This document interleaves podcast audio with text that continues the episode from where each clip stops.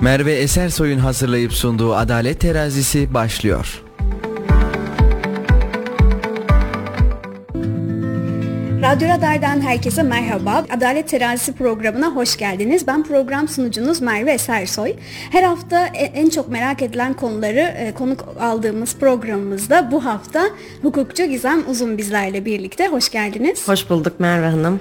E, Nasılsınız? İyiyim teşekkür ederim. Siz nasılsınız? Ben de iyiyim. Teşekkür ederim. Öncelikle e, hatırlatmalarımı yapayım. 91.8 Radyo Radar frekansından bizleri dinleyebilirsiniz. Radyo Radar 918 Radar Kayseri Instagram hesaplarından bizi dinleyebilirsiniz. izleyebilirsiniz aynı zamanda. E, eğer sizin de program süresi boyunca nafaka hakkında sorularınız olursa e, Gizem Hanım'a iletmemiz için WhatsApp'tan 0352 336 2598 iletişim hattımızdan veya sosyal medya hesaplarımızdan yazabilirsiniz. E, Gizem Hanım bugün konumuz e, boşanma davalarında en çok merak edilen nafaka konusu. Ama e, nafakaya geçmeden önce ilk olarak boşanma nedir diye başlamak istiyorum. Evet. Boşanma nedir?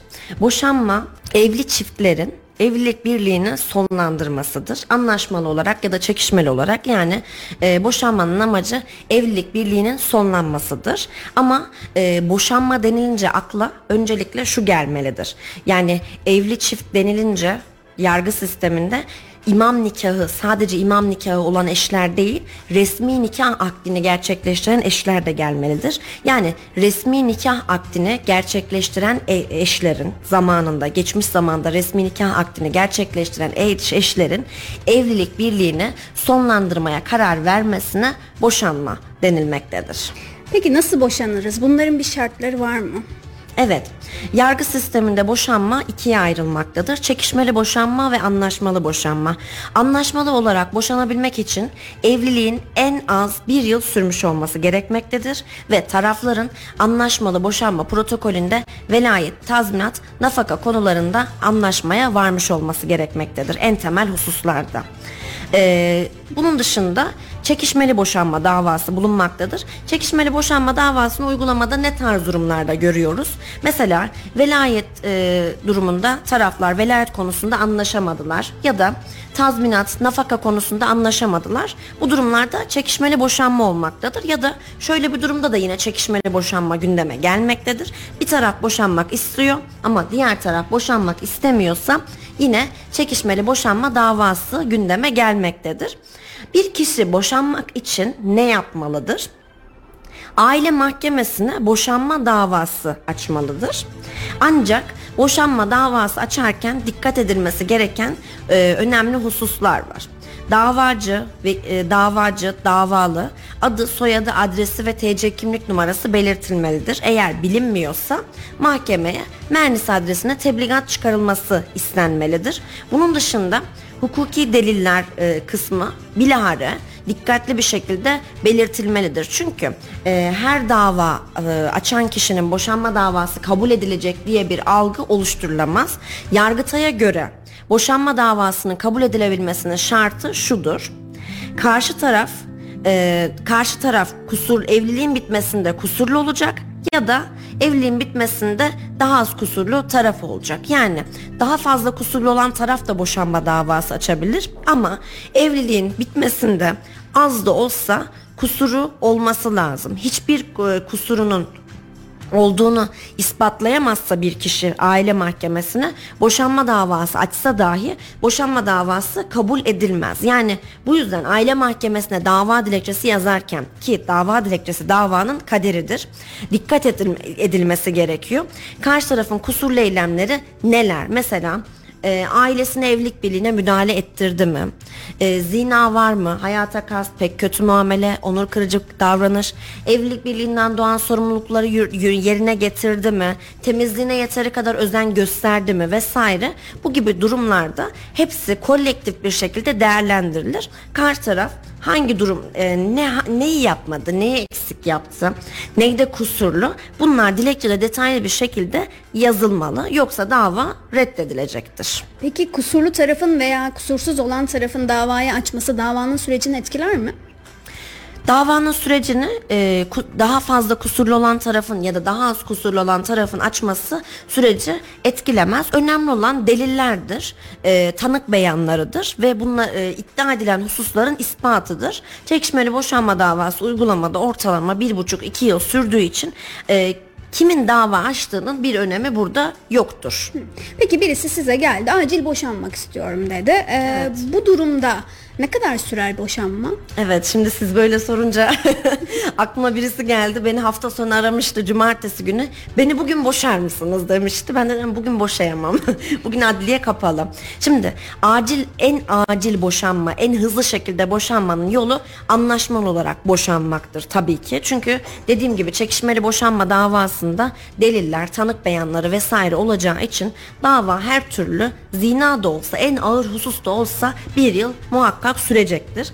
E, bir kişinin en hızlı boşanma yolu anlaşmalı olarak boşanmasıdır. Eğer hızlı bir şekilde boşanmak istiyorsa karşı tarafla velayet, tazminat, nafaka, kişisel ilişki en temel olarak bu hususlarda anlaşmaya varmış olması lazım. Mesela e, vatandaşlar ve halk arasında yanlış bilinen bir olgu var. Şöyle zannediyorlar. Ben protokolde mal varlığıyla ilgili bir konuda anlaşmaya varmak zorundayım zannediyorlar. Aslında öyle bir durum yok. Yani şöyle yapabilirler mesela. Protokolü hazırlarlar.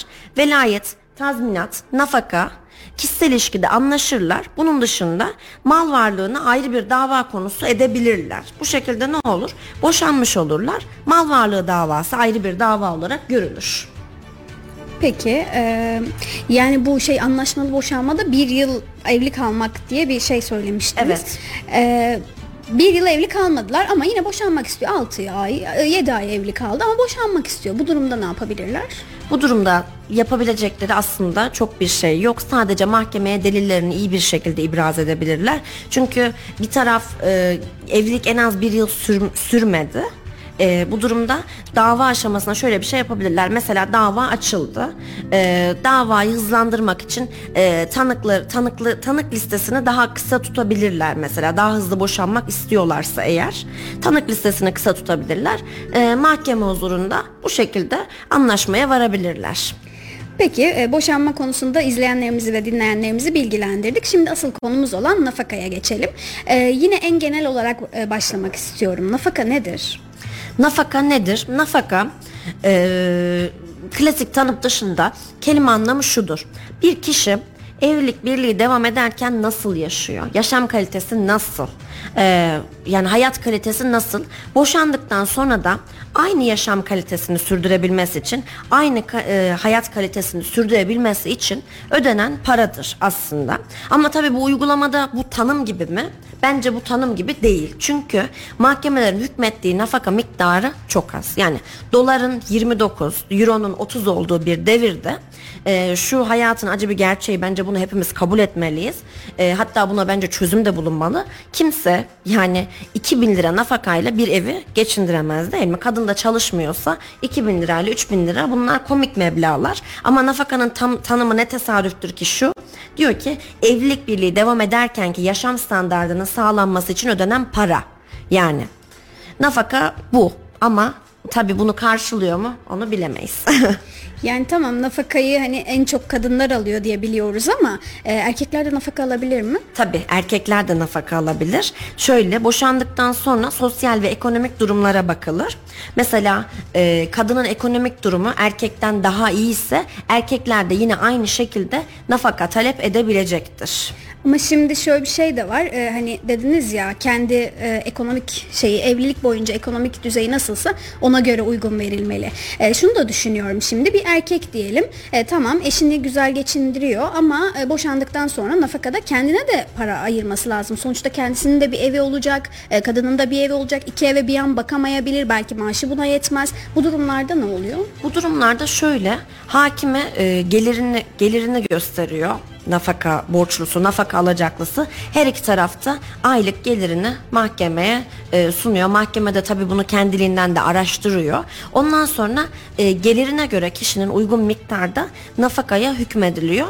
Ama şöyle ki kirli bir bilgi var mesela yanlış bir bilgi. E, maaşının 1 bölü 4'ü oranında nafakaya hükmedilir deniliyor. Böyle bir doğrudan böyle doğru bir orantı böyle bir şey yok. Çünkü neden? Mesela e, atıyorum asker, jandarma komutanı birinin maaşı 40-50 bin lira. Normalde dörde böldüğümüz zaman kadının burada e, kadın çalışmıyorsa 10 bin lira alması lazım. Ama mahkeme 10 bin liraya burada hükmetmiyor. Yani mahkeme burada tüm hususları kolektif bir şekilde, toplu bir şekilde değerlendiriyor. Geliri ne kadar, gideri ne kadar deniliyor. Giderine de bakıyor, hakim ona göre karar veriyor. Aslında her şey göz önünde bulunduruluyor. Evet. yani. Peki herkes nafaka alabilir mi?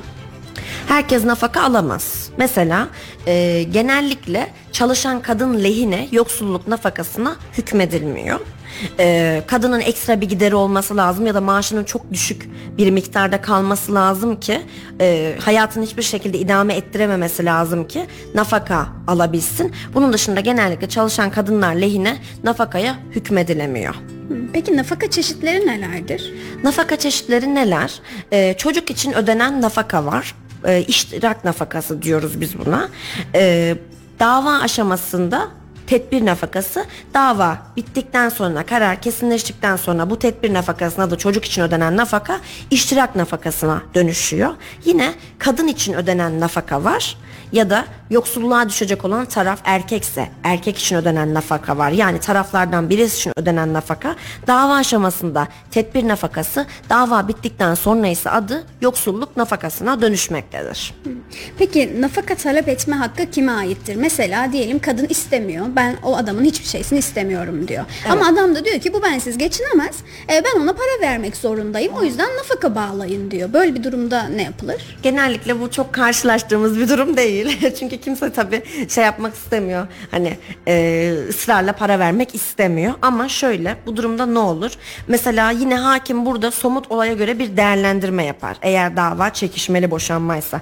Anlaşmalı boşanmaysa zaten hakim burada eğer çocuğun üstün menfaatini etkiliyorsa değerlendirme yapar. Çocuk için ödenen nafakaysa değerlendirme yapar. Ama çocuk için ödenen nafaka değilse kadın istemiyor. Erkek ısrarla ödemek istiyor. Bu durumda hakim somut olaya göre değerlendirir. Kadın ihtiyacı var mı yok mu vesaire kararını verir. Eğer kadının ihtiyacı varsa bu durumda nafakaya hükmeder.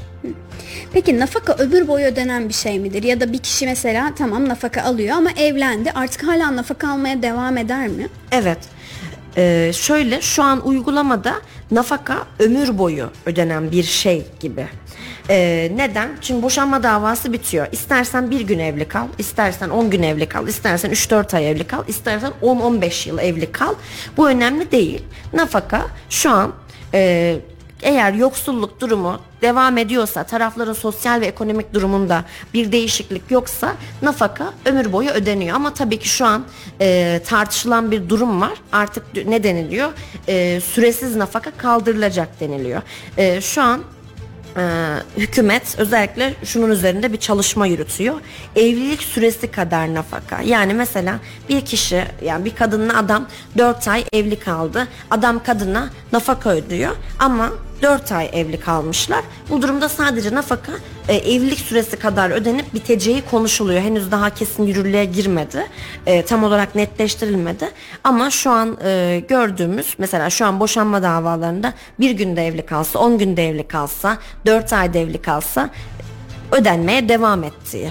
Peki kadın evlenirse e, nasıl oluyor bu durum? Evet. Nafaka düşüyor mu? Şöyle ki e, nafakanın kesilmesinin bir takım nedenleri var. Birincisi ilk kadının yeniden evlenmesi nafakanın kesilmesi nedenidir. Yani kadın yeniden evlendiği zaman ilk eşinden aldığı nafaka kesilmektedir. Ama sadece evlenmesi gerekmiyor kadının. Şimdi şöyle bir durumda var. Kadın evliymiş gibi hayat sürerse de eğer ilk eşinden aldığı nafaka e, kesilir. Yani mesela e, kadınla adam resmi nikah akdini gerçekleştirmiyorlar ama imam nikahıyla birlikte birlikte yaşıyorlar ya da imam nikahı olmaksızın birlikte yaşıyorlar. Evliymiş gibi biriyle fiilen hayat sürüyor. Bu durumda ne yapıyor? Zaten giderlerine ortak olan ya da giderlerini komple karşılayan birisi var. Yine aynı şekilde nafaka kesiliyor. Ama altını çizerek belirtmek istiyorum. Kadın yeniden evlense dahi kadının kendisi lehine aldığı yoksulluk nafakası ortadan kalkar ama çocuk için ödenen nafaka hiçbir zaman ortadan kalkmaz. Ee, çocuk 18 yaşına gelinceye kadar iştirak nafakası ödenmeye devam eder. Çocuk 18 yaşını doldurduktan sonra eğer hala bir işe başlamamışsa, bir geliri yoksa bu durumda nafakanın adı değişir. Yardım nafakası adı altında yine babasından nafaka alabilmektedir. Bu evlense bile böyle mi? Evlense bile nafaka alabiliyor mu? Yoksa Çocuk artık- mu? Evet. Çocuk evlendiğinde eğer şöyle ki yani 18 yaşını doldurdu, reşit kılındı, e, evli, evliyse muhtemelen yani mesela kendine güveniyor bir evi geçindirecek e, pozisyona geldi artık. Bu durumda hakim nafakaya e, somut olaya göre hükme, hükmetmez. Çünkü neden? Hani artık evli, kendisi çalışıyor, bir evi geçindirebilecek pozisyonda olarak düşünür. Peki e, boşandık. Boşandıktan sonra nafaka almak için e, bir dava mı açmamız gerekiyor? O, o süreç nasıl ilerliyor? Şöyle boşanma davasının içerisinde nafaka e, zaten nafaka, velayet ve zinet eşyaları, zinet alacakları görülür. Yani eğer bir kişi boşanma davası açtıysa boşanma davasının içerisinde nafakayı isteyebilir. Ama şimdi şöyle bir şey var. Mesela e, nafaka istemek için illa boşanmış olmak gerekmiyor. Fiili olarak ayrılmak da yeter. Mesela insanlar bunu bilmiyor. Eşiyle e, yani hani vatandaşlar hatta şunu da bilmiyor. Mesela eşinizle bir kaos dönemine girdiniz. İlla hemen soluğu aile mahkemesinde boşanma davası açarak almanız gerekmiyor. Ayrılık davası da açabilirsiniz. Tabi boşanma davası açmadan önce ayrılık davası da açılabilir. Ayrılık davasında ne olur? Hakim tarafları bir kez daha düşünmeye sevk eder. Çünkü Türk yargı sistemi aile birliğine önem verir. Der ki hakim 1 ila 3 yıl arasında ayrı yaşayın. Bir düşünün bakalım gibisinden. Bu durumda yine ayrılık davası olduğu ya da fiili ayrılık döneminde de mesela taraflardan biri bir yere gitti. Birlikte yaşamıyorlar. Ee, işte ilişkilerine ara verdiler. Bu durumda yoksulluğa düşecek olan taraf yardım nafakası isteyebilir mahkemeden. Peki şimdi nafaka almak istiyor bir kadın e, ama eşi e, resmiyette bir maaş almıyor E, ama elden bir maaş alıyor. Kadın Evet. bunu biliyor ama ispatlayamıyor. Bu durumda nafaka alabilir mi? Evet. Bu oldukça sıkça karşılaştığımız hatta nafaka davalarında en sık gördüğümüz şey bu. Ee, hem cin- yani cinsiyetçilik gibi olmasın. Yani şu an bir ayrımcılık yaptığım bir konuşma gibi olmasın ama genellikle bunu erkekler yapıyor.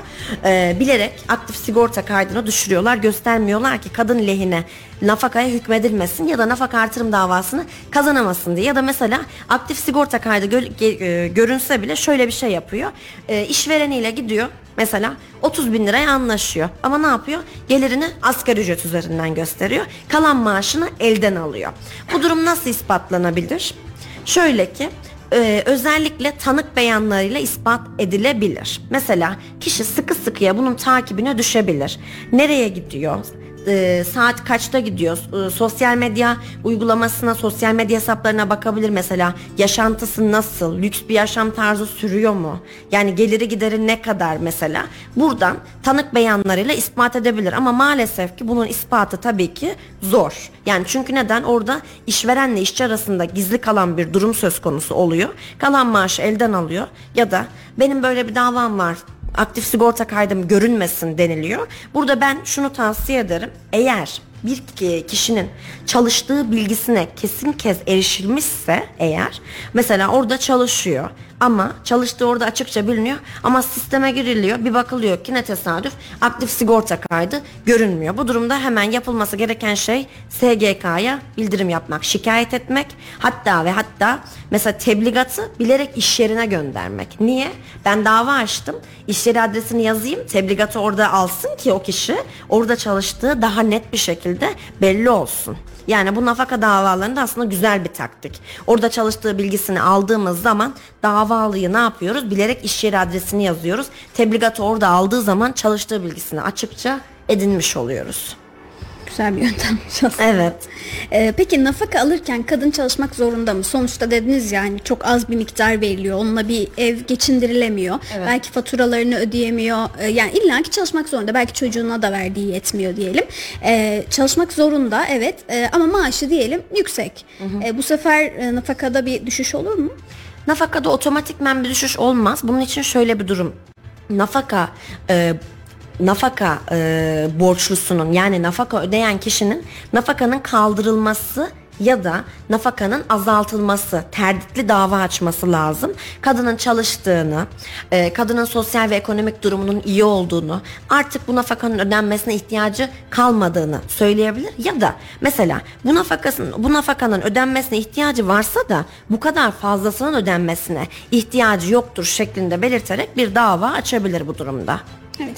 Peki nafaka ödenmediğinde ne olur? Mesela ben hatırlıyorum küçükken komşumuz yani yeni evli olduğu halde e, eski eşi tarafından hep haciz gönderilirdi. Evlerinde ne varsa hep alıp götürürlerdi işte. E, yani ben küçük olduğum halde bunu hatırlıyorum. Aslında ne kadar gurur kırıcı bir şey. E, böyle bir şey var mı hala? Evet şimdi şöyle nafaka ödenmediği zaman ne yapılabilir? Ee, bence burada Türk yargı sistemi çok güzel işliyor. Ee, nafakanın ödenmediği hususuna ilişkin icra takibi başlatılabilir ve e, icra takibi başlatıldığı zaman kişinin e, işte bankalardaki hesapları, üzerine kayıtlı taşınırları, taşınmazları kontrol edilebilir. İcra takibi başlatıldıktan sonra ise yapılması gereken en doğru şey nafaka yükümlülüğünü ih- ihlalden Cumhuriyet Başsavcılığına suç duyurusunda bulunmaktır. Bu durumda nafaka e, borçlusu tazik hapsine e, Yani hapis nafaka- cezasına çevrilebiliyor. Evet tabii çevrilebilir. Burada yani tazminat konusunda mesela boşanma davasında e, sonucu çıkan tazminat noktasında mesela bu kadar bir caydırıcılık yok ama nafaka konusunda caydırıcılık ciddidir. E, nafaka yükümlülüğünün ihlalin ya ihlalinin yaptırımı tazik hapsidir. Bu yüzden genellikle mesela tazminattan kaçarlar ama nafakadan kolay kolay kimse kaçmaz. Peki mesela e, hem eşine ödeyip hem çocuklarına öde- ödeyebiliyor değil mi nafaka? Tabii. Eşi, e, eşine ödemiyor, çocuklarına sürekli düzenli ödüyor. Bu durumda da aynı şey Bu durumda mi? aynı şey olur. Mesela çocuk e, çocuk için ödenen nafaka icra takibi başlatılmaz ama eşi için ödenmesi gereken nafaka için icra takibi başlatılır ve Cumhuriyet Başsavcılığına yine suç duyurusunda bulunulur. Ve şöyle bir algı hiç kimse de bence oluşmamalı. Şimdi bir kişi aleyhine icra takibi başlatıldı. Bazıları diyor ki ya benim üzerime kayıtlı hiçbir mal varlığı yok ki. Düzenli gelirim de yok. Aktif sigorta kaydım da yok. Bana ne yapabilecekler denmesin. İcra takibinde dosya açık kalır. Eğer o dosyanın takibi yapılırsa o dosya hiçbir zaman kapanmaz. O dosyaya sürekli yüksek miktarda faiz işler. Borç artar. O borcu eninde sonunda ödeyecek olan kişi o sonuçta. Yani o yüzden icra takibi açık. İcra dosyam var da bana bir şey olmaz algısı yanlıştır. Bir an önce o nafaka borcunu kapatmak gerekir. Hep kadınlar üzerinden gidiyoruz ama mesela nafaka alacaklısı e, her şey bitti, davalar bitti, sonuçlandı. Nafakayı veriyor, ödüyor kadına diyelim.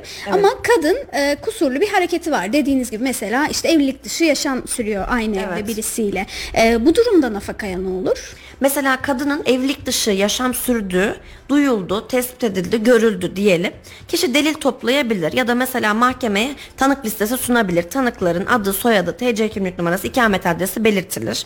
Ee, mesela kadının oturduğu konutun e, kamera kaydı istenebilir. E, kadını birlikte yaşatın, yaşadığının tespiti için. Binadaki komşular mesela kadının oturduğu yerdeki komşular e, tanık olarak bildirilebilir. Ama burada mesela e, insanlar şunu söylüyor.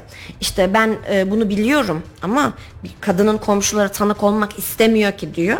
Bir kişinin mahkemede tanık olması için illa istemesine gerek yok. Sonuçta adı soyadı oraya yazıldı mı? adresi yazıldı mı o kişi rızasıyla gelmezse mahkemeye zorla getirilir ve mahkemede doğruyu söylemek zorundadır. Çünkü aksi takdirde yalan tanıklık suçunu işlemiş olacaktır. Bu durumda erkek ne yapabilir? Dosyaya delillerini sunar, nafakanın kaldırılması için dava açar. Çünkü der ki nafaka alacaklısı kadın evli değilse bile evliymiş gibi hayat sürme, sürmektedir.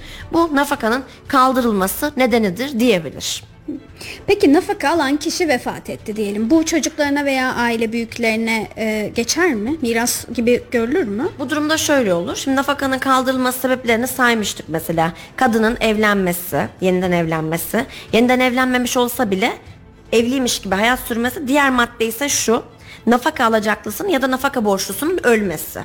Bu durumda nafaka kaldırılır ama şöyle bir durum var. Şimdi kadının kendisi için aldığı nafaka kaldırılır. Mesela eğer müşterek çocuk varsa müşterek çocuklar lehine nafaka ödenmeye yine devam edilir. O nafakanın şeyi artar, miktarı artar mı peki? Anneleri vefat etti yoksa hiçbir bağlantısı yok. Miktarının artırılmasını mahkemeden talep ederlerse miktarı artırılır. Ama otomatikmen talep etmeden bir artış olmaz. Eğer şöyle ki anlaşmalı olarak boşandılar. Anlaşmalı boşanma protokolünde e, üfe tüfe oranında bir artış yapılacaktır denilmişse yılbaşından sonra otomatik olarak artmak artacaktır. Ama böyle bir protokol yoksa ne olacak? Artması için ya gerekçeli karar uyulacak ya da daha fazla art- artılmasını istiyorsa taraf dava açması lazım. Gizem Hanım çok teşekkür ederim. Bu konuda bence gayet bilgilendirici bir yayın oldu. Söylemek istediğiniz bir şeyler var mı? Ee, söylemek istediğim ekstra bir şey düşüneyim. Evet, e, söylemek istediğim husus şu. Ee, kişiler anlaşmalı olarak boşandılar diyelim. Mesela anlaşmalı boşanma protokolünün yanında ayrı bir yardım nafakası protokolü düzenleyebilirler. Çünkü mesela neden? Ee, Türkiye'de yaşıyoruz. Hayat şartları belli değil. Hiçbir zaman ne olacağı da bilinmiyor. Mesela bir savaş dahi bizim ülkemizi etkileyebiliyor tabii ki. Ve şu an bir ciddi bir ekonomik kriz de var. Bu durumda ya da mesela hayatın olağan akış, hayat olağan akışında gitmedi. Ee, eğitim öğretim masraflarında ekstra bir şey çıktı. Ya da Allah korusun bir çocuğun ekstra bir sağlık problemi çıktı. Bu durumda e, anlaşmalı boşanma protokolüne nafaka miktarı yazılıyor ama ekstradan yardım nafakası protokolü yapabilir taraflar. Eğer çocuğun ekstra bir masrafı çıkacaksa, herhangi bir sağlık problemi olacaksa, başka bir kursa gidecekse vesaire vesaire herhangi bir gider olacaksa yani taraflar bunu müşterek ve müteselsil yani birlikte karşılayacaktır şeklinde anlaşmalı boşanma protokolünün yanında ekstradan yardım nafakası protokolü düzenleyebilirler. Çok teşekkür ederiz. İnşallah di- dinleyenler ve izleyenler de faydalanmıştır. İnşallah. Buraya kadar geldiğiniz için de ayrıca çok teşekkür Rica ediyorum ederim. konuk olduğunuz için. Sevgili dinleyenler ve izleyenler bu hafta hukukçu Gizem Uzun bizlerle birlikteydi. Nafaka konusunda konuştuk. Ee, yayın tekrarlarımızı 91.8 Radyo Radar'dan veya sosyal medya hesaplarımızdan izleyebilirsiniz. Haftaya başka bir konuk ve başka bir konuyla görüşmek üzere. Hoşçakalın.